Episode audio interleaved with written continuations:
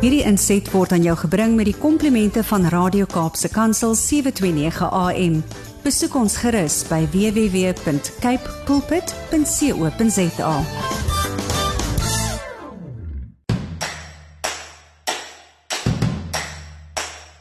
Dit is alweer Saterdagoggend. Dit is net na 7 jy luister na Radio Kaapse Kansel. En dit beteken dat jy natuurlik ook na Landbou Landskap luister. 'n Hartlike goeiemôre van my Willem van Jaarsveld. Jou gasheer tussen 7 en 8 elke Saterdagoggend op die senders van Radio Kaapse Kansel. Jy kan natuurlik ook wêreldwyd na ons luister op die internet. Nou vanoggend wy ons die program in geheel aan 'n saak wat die land soos 'n bom getref het landbou se veebedrywe se uitvoere tot stilstand gedwing het en 'n allemintige uitdaging is vir ons vir die toekoms. Ek praat natuurlik van back and closure en die herwinning van ons internasionale uitvoerstatus ten opsigte van veeprodukte en dan natuurlik rooi vleis. Nou ja, vanmôre 10 oor 7 kom saad vir die saaier aan die beurt. En ons skrifgelees 'n uh, skrifgedeelte van môre is 2 Korintiërs 12 vers 9 en die tema soos Paulus.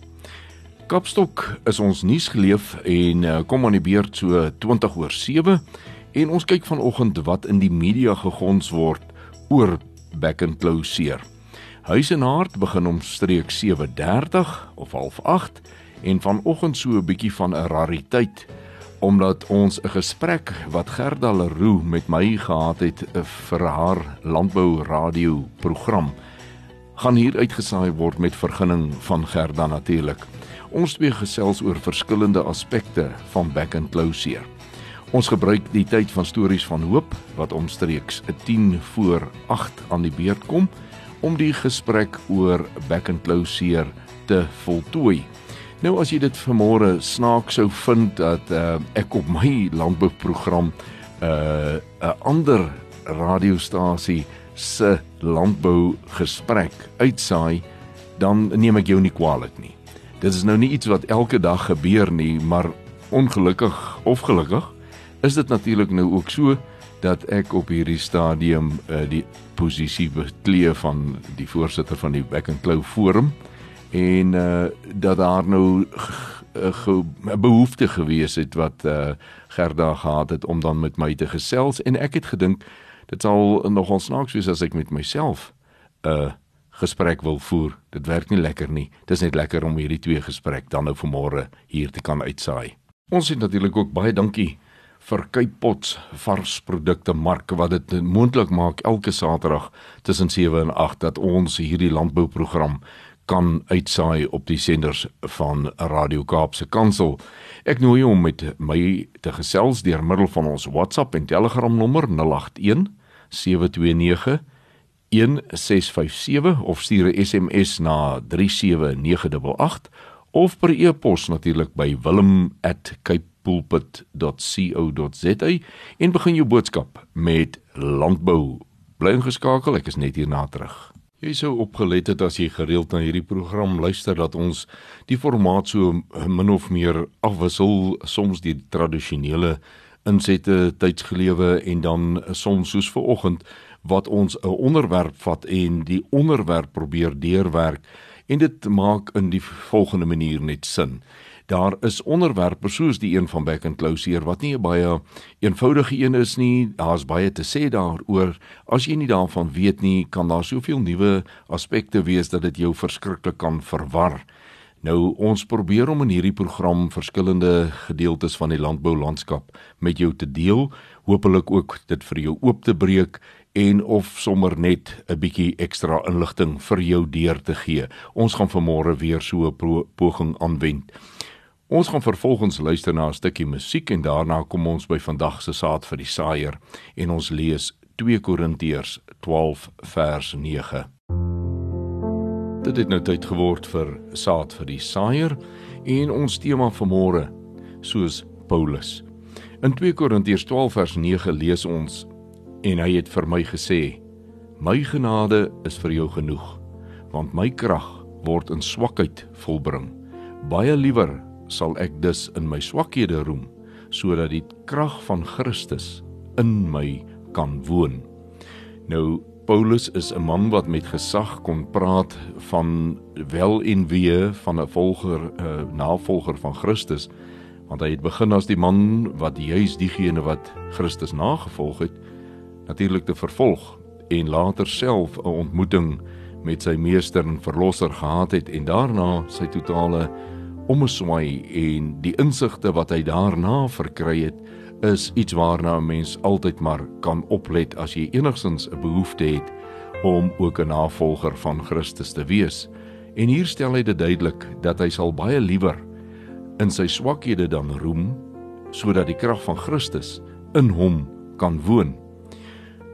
Die voorbeeld wat Paulus vir ons hier uitbeeld is 'n belangrike een want in die wêreld van vandag waar ons leef, gaan dit baie oor mag, oor posisie en oor vermoëns. Almal probeer altyd beter wees uh, in baie opsigte, partykeer beter as ander, partykeer sommer net beter as jouself in 'n sekere opsig.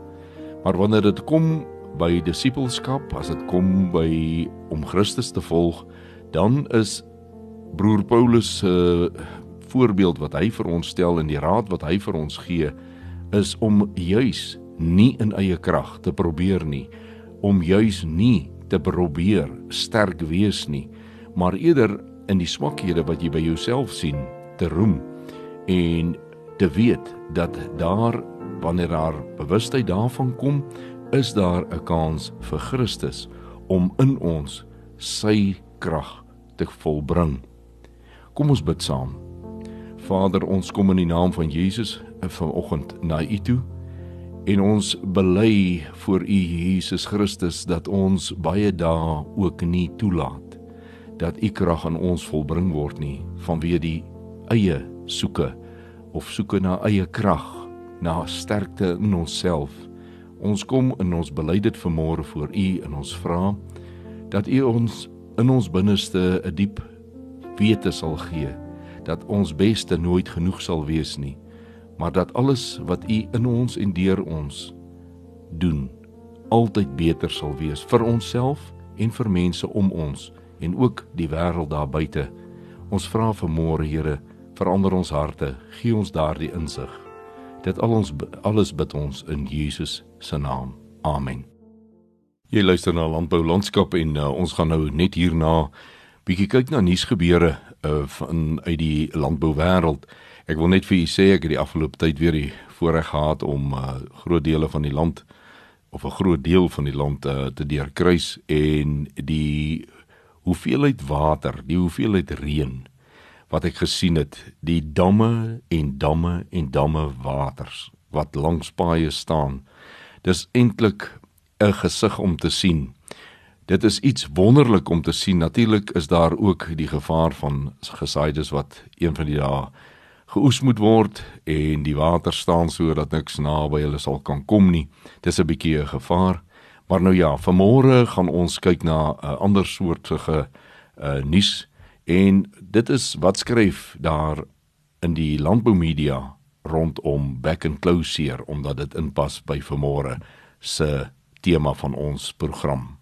Ek is net hierna terug met Kapstok. In Kapstok het ek vanmôre 'n bietjie gaan kyk wat word daar geskryf oor die onderwerp van back and closure en op landbou.com het ek afgekom op 'n artikel onder die uh, opskrif back and closure 56 bevestigde gevalle, een arrestasie sê Dedisa.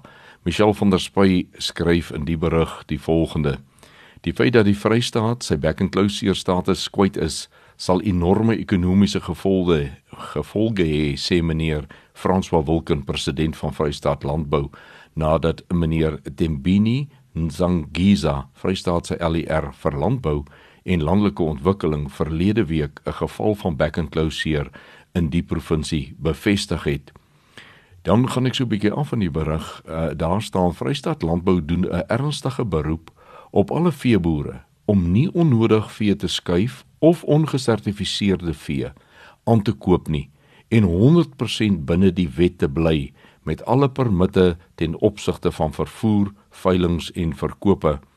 En dan word hy aangehaal. Vrystaat Landbou doen 'n verdere beroep op boere in die Noord-Vrystaat in die omgewing van Viljoenskroon en Frankfurt om hul volle samewerking aan die veeartse te gee en waaksaam te wees vir enige simptome. Indien simptome voorkom, moet dit so vinnig moontlik by plaaslike veearts aangemeld word.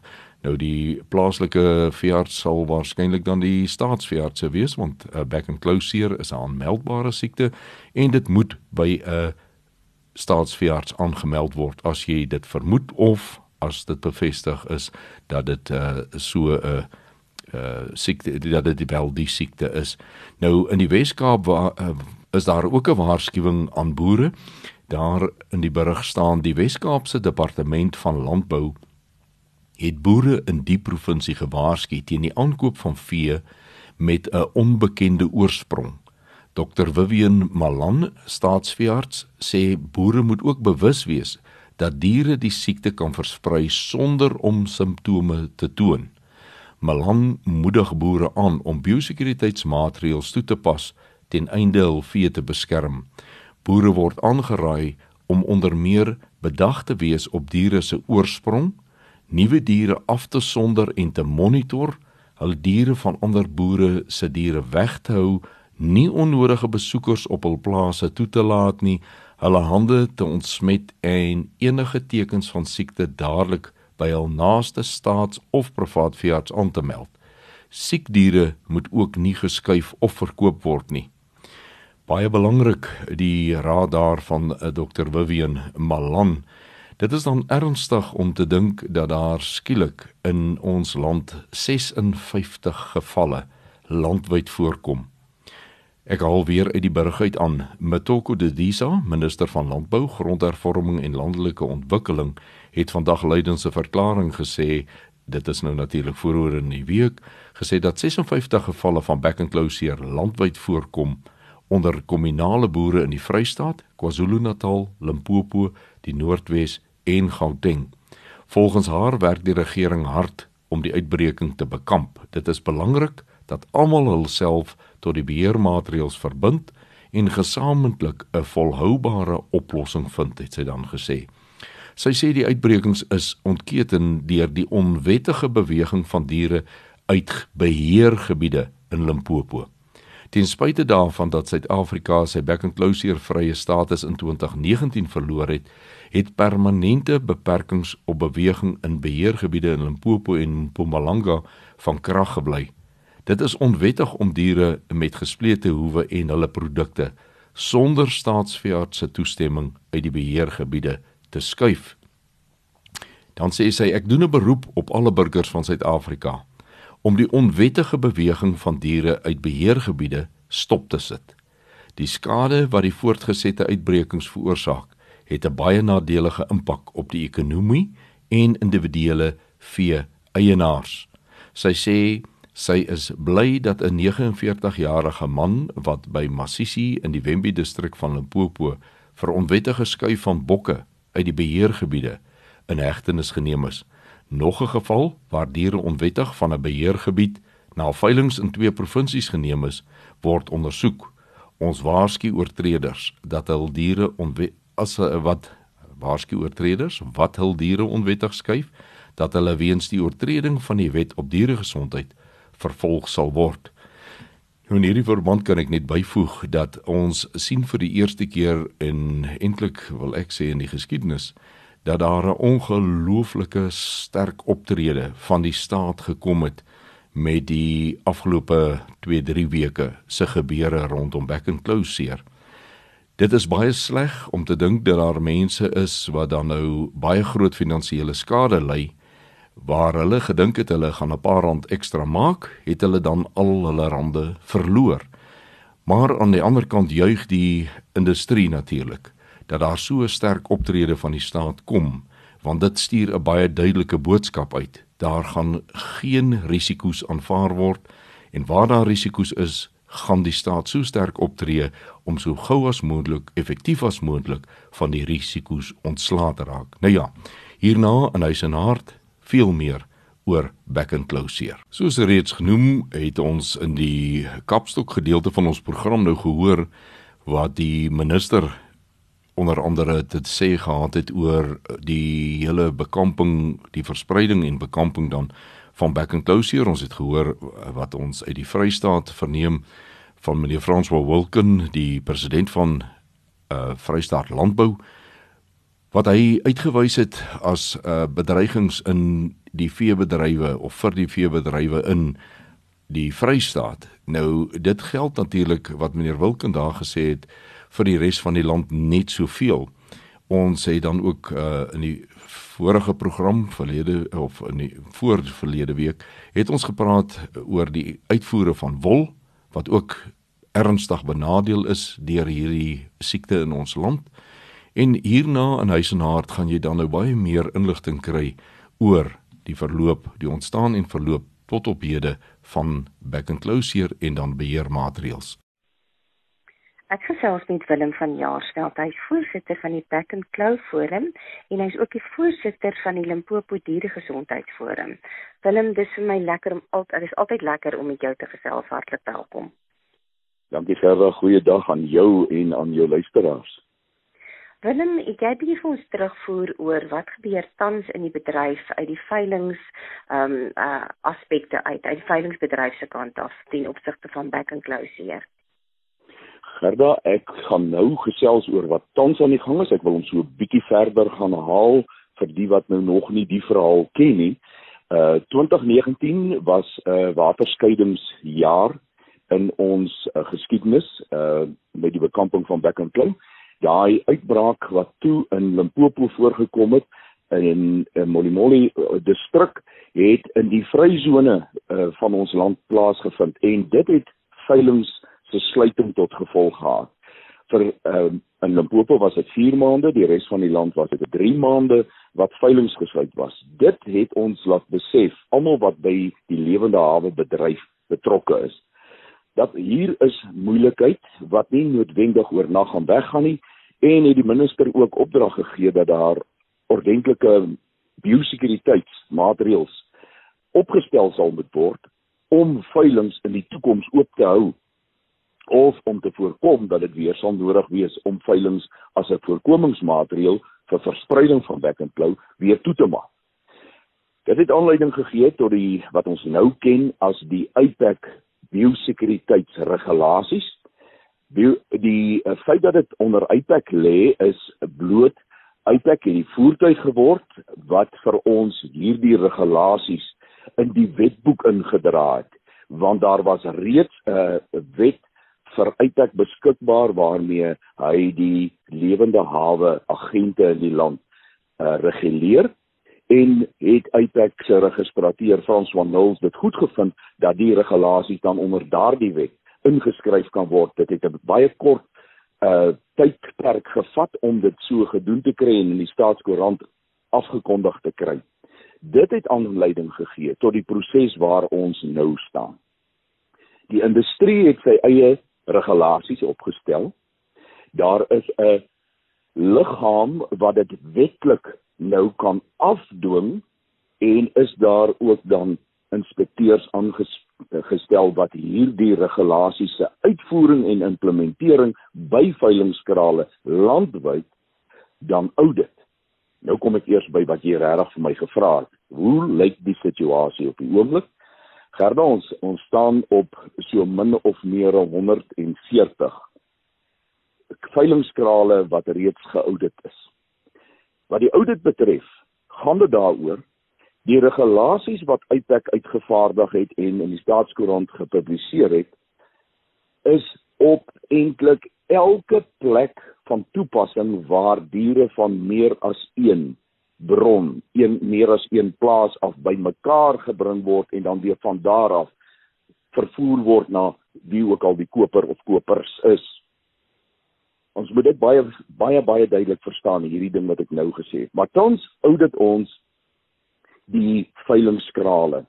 Dis die mense wat op 'n baie gereelde basis groot hoeveelheid uh diere bymekaar bring en dan word dit van daar af ergens heen weer versprei. Met ander woorde, ons kyk tot watter mate is die voldoening in plek en daarvolgens word 'n stergradering toegeken aan 'n kraal.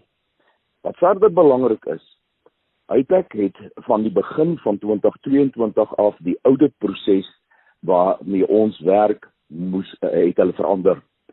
Ons ou dit nou vir infrastruktuur. Met ander woorde die fisiese kraal, daardie harde ware waarmee gewerk word, heeltemal apart van die administratiewe prosedurele gedeelte van die proses want daar is hierdie twee bene die infrastruktuur behoort meeste van die gevalle nie aan die veilingshuise nie dit behoort aan 'n derde party dis daardie derde party se verantwoordelikheid om sy geriewe in lyn te kry met die regulasies van uitpak alhoewel die meeste ek meen die oomblik as die eienaar van 'n kraal nie aan Uitpak behoort soos wat die veilingshuise en hulle agente aan Uitpak behoort of by hom geregistreer is nie het Uitpak nie direk te sê oor daai kraal nie maar Uitpak kan die veilingshuise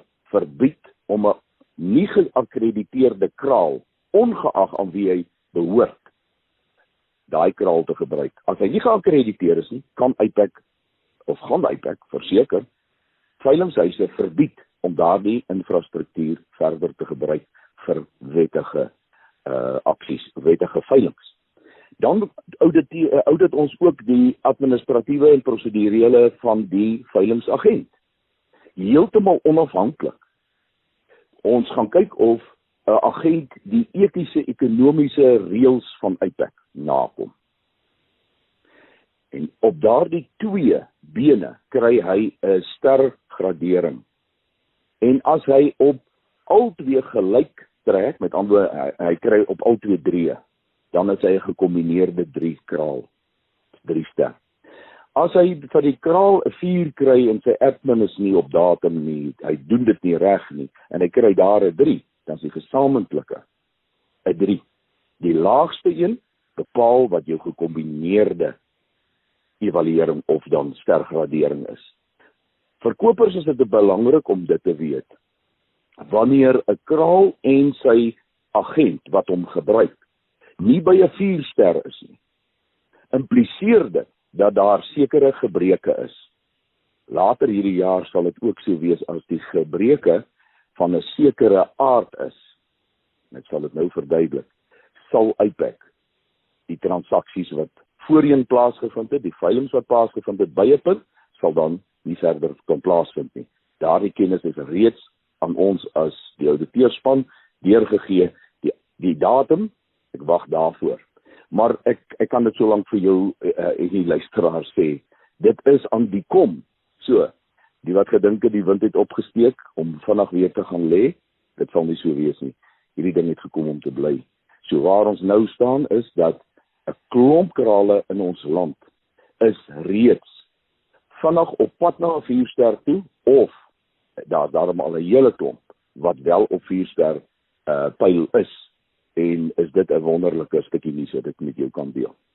Willem nou so gepraat van hierdie uh, uh regulasies en hierdie ehm um, die sekuriteitsregulasies nie. Uh wat behels dit alles so kortliks? Waaraan moet daai veilingskrale voldoen? Wat moet op so 'n veilingsperseel wees waaraan ehm um, waaraan voldoen moet word? Gerda, as ons verstaan wat die woord biosekuriteit beteken, dan is dit die kortste beste manier om dit te beskryf of uh, te omskryf is die voorkoming van verspreiding van vee siektes. So as as ek en jy vandag praat oor biosekuriteit, as boereverenigings daaroor praat, as wie ook al oor biosekuriteit praat, dan praat ons eintlik van 'n stelsel wat die verspreiding van diere siektes sal voorkom. As ons dit verstaan, dan sal ons verstaan waarom voertuie wat in die biosekuriteitsgebied van 'n veilings kraal inkom moet gesaniteer word. COVID het ons nou baie mooi geleer van hierdie begrip. Die die voertuig self of hy diere dra of hy nie diere dra, moet gesaniteer word. Dan moet 'n wiel bad wees of versekerde klein veilingkies maak ons net baie seker dat die wiele van voertuie, ek praat van die wat nie vee dra nie, ordentlik gespuit word met 'n chemiese middel wat asseblief verstaan dat dit beskadig nie jou voertuig nie, maar dit maak die bakterieë en virusse wat jou voertuig op die perseel kan indra, maak hy dood. Die voertuie wat diere dra, het 'n addisionele vereiste. Die wiele en die voertuig se buitekant moet effektief benat word met dieselfde middel wat die goggas in geite wat gedra word op daardie voertuie kan doodmaak. Met ander woorde, as ook verskillende areas op ons veilingsterreine. Ons het 'n skoon gebied en ons het 'n vuil gebied. Vuil gebied, dit beteken in nie in die normale verstaan wat ek en jy verstaan van skoon en vuil nie. Vuil, daar waar die diere gehou word. Skoon, daar waar geen dier kom nie, maar net mense. En dan moet ons baie mooi verstaan. Soos wat die diere mekaar kan siek maak, kan ek en jy ook sekere siektes na diere toe dra. TB is seker een van die besbekendes in ons uh geskiedenis. Jy sal dalk weet dat melkerye baie streng is oor die toets van hulle werkers vir TB. Want 'n melkkoe met TB kan nie in 'n melkery aanbly nie. En TB versprei in 'n kudde uh enige kudde van diere baie vinnig. So as jou as daar van jou werkers is wat met daai diere werk wat TB het, dan dra ons dit oor van mens na dier. Ons moet dit voorkom en daarom is daar duidelike reëls van skeiding wat mag mense op 'n veiling doen en wat nie. En seker een van die beste voorbeelde is die manne wat skaapkopers is. Was daar homself en my daar 'n uh, spekulant wat hierdie goed baie groot gekoop het. En ek wou aan elke kraaltjie so 'n steekproef gevoel het want ons gradeer hulle vet neerslag met die hand. Dis 'n taboe in nou se verhaal. Want ek vroetel met een ou se skape, die gogga wat in sy skape se wol is wat die oog nie kan sien by die inspeksie nie, sit aan my vingers en ek vroetel met die volgende ou se skape. Ek dra die probleem van die een kraal na die ander oor daai kraal waarna toe ek dit oorgedra het, word nie verkoop nie, hy gaan terugplaas toe. Daai boer weet nie van wat ek gedoen het nie. En skielik het hy 'n probleem op sy plaas wat hy nog nooit gehad het nie. Die veilinghuis gaan vir jou vra om jou te weerhou van skadelike praktyke wat moontlike oordrag van siektes kan veroorsaak. En ek dink dis in kort sonder om met die detail, want die detail is nogal ek wil amper sê gruisam. Daar's verskriklik baie fyn dinge om na te kyk. Voetballers wiel dit daai tipe van goede. Is vreemd vir ons mense wat veilinge besoek. Maar ons moet net een ding onthou. Biosekuriteit gaan nie oor hoe gemaklik ek en jy op 'n veiling is nie. Dit gaan oor hoe veilig die diere daar is en hoe veilig die boerderye en hulle toekoms is waarna toe daardie die, die diere van die veiling af ver ver uh vervoer word.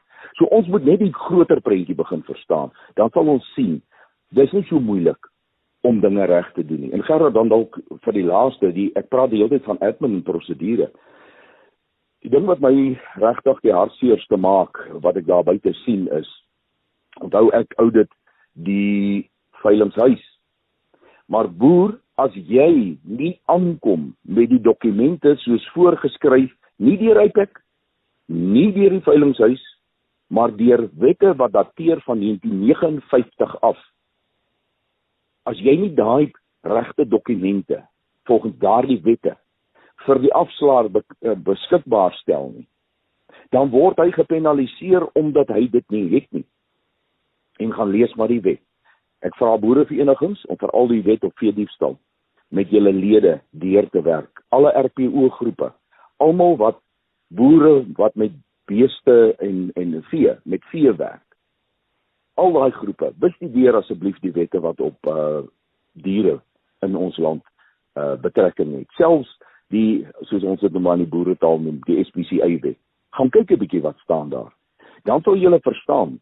Uitpak het een baie belangrike oude punt.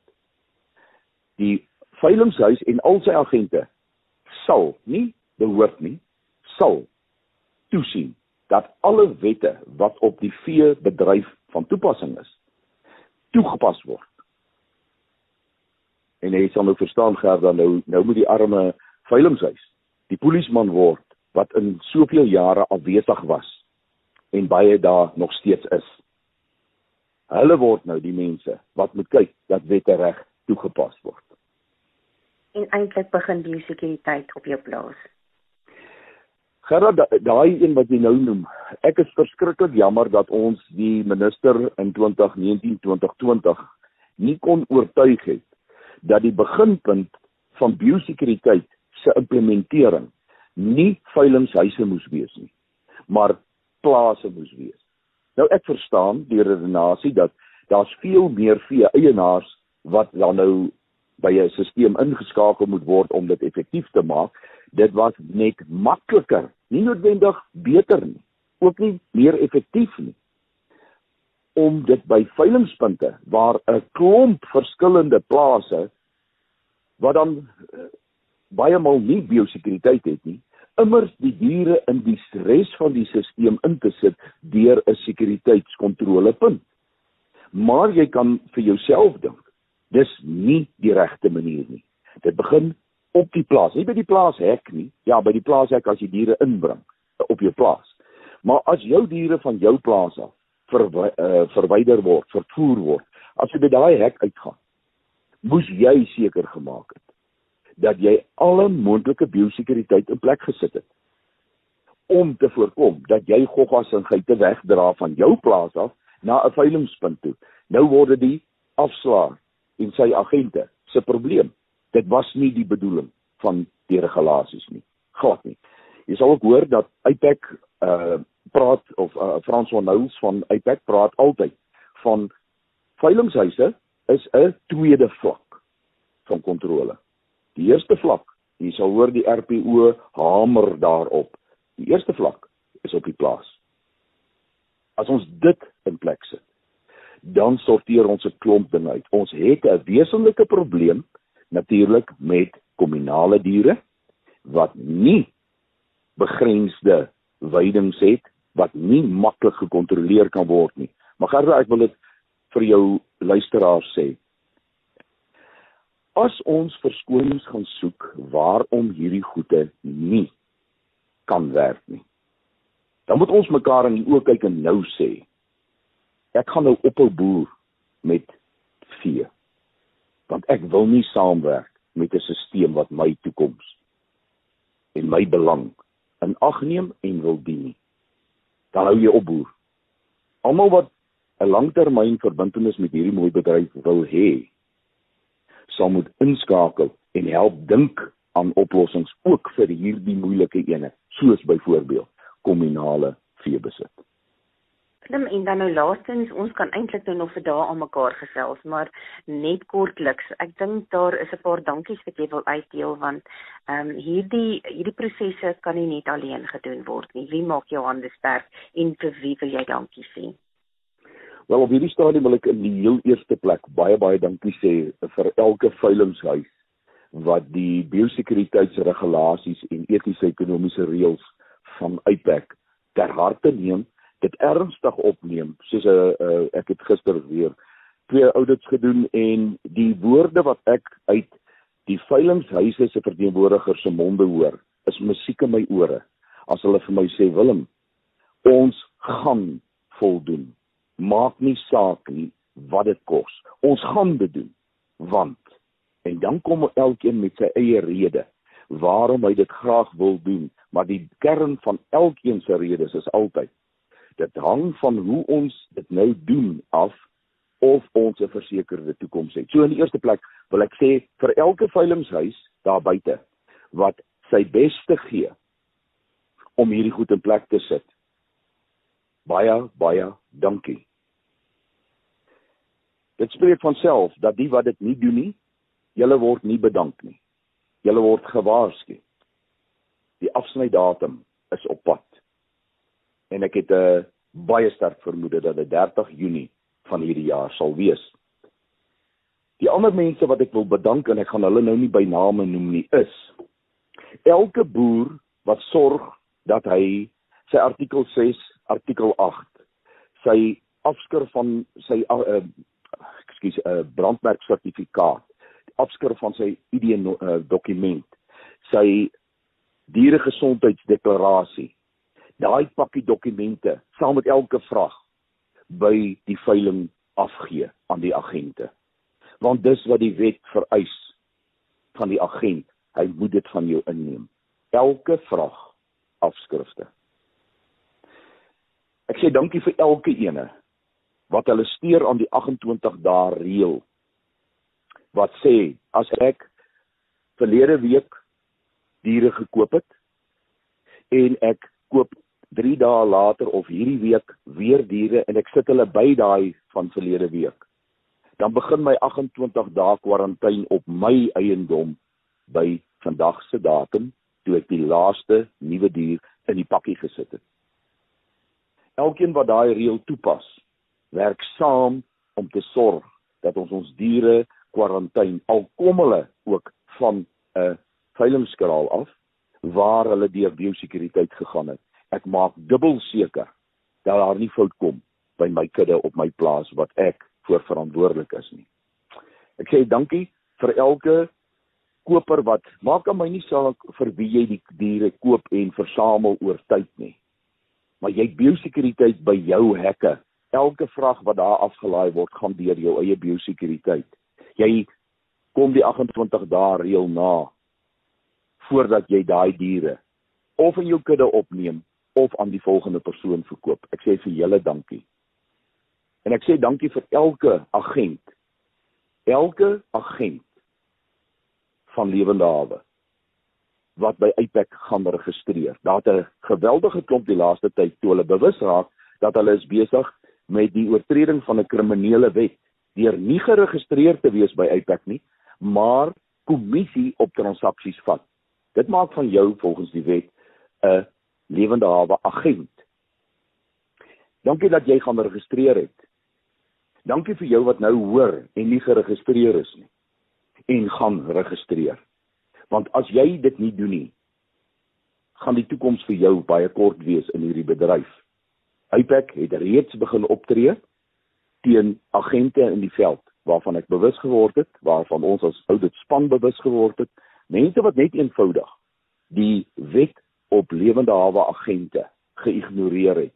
En Gerda, ek moet dit miskien maar sê, die wet bepaal ook dat as jy onwettig gehandel het, met ander woorde nie uitpak geregistreer was nie en jy het kommissie verdien van 'n koper of 'n verkoper en uitpak kom jou agter, dan sal jy gedwing word om volgens wet, nie volgens die geite van uh uitpak nie, om die kommissie wat jy van mense gevat het te gaan teruggee.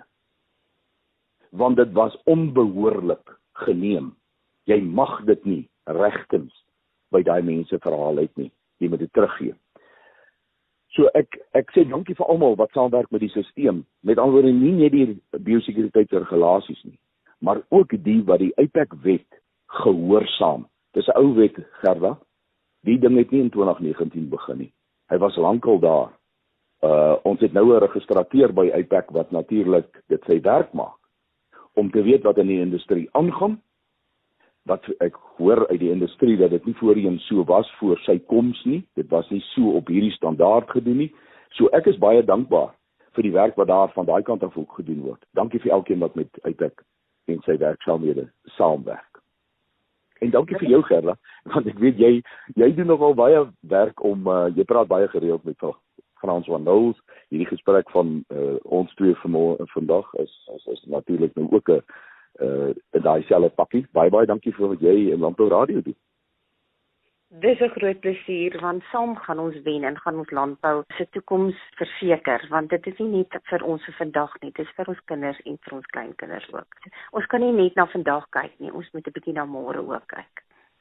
Absoluut, absoluut, absoluut.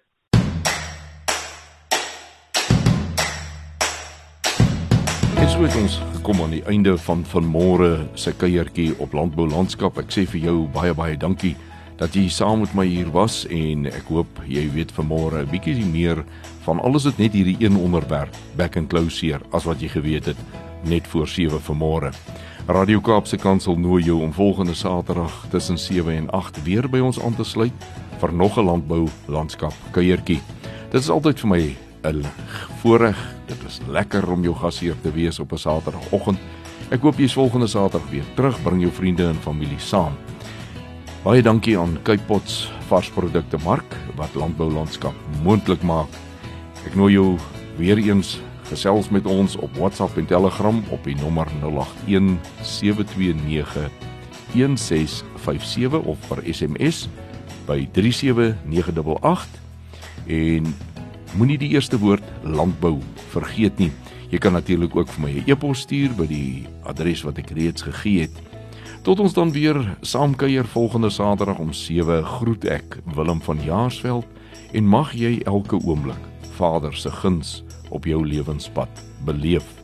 Bly gerus ingeskakel by Radio Kaapse Kansel vir ons volgende program wat net hierna gaan begin. Wederop.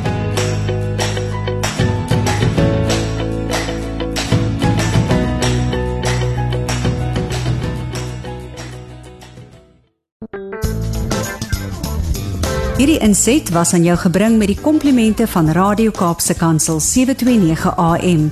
Besoek ons gerus by www.cape pulpit.co.za.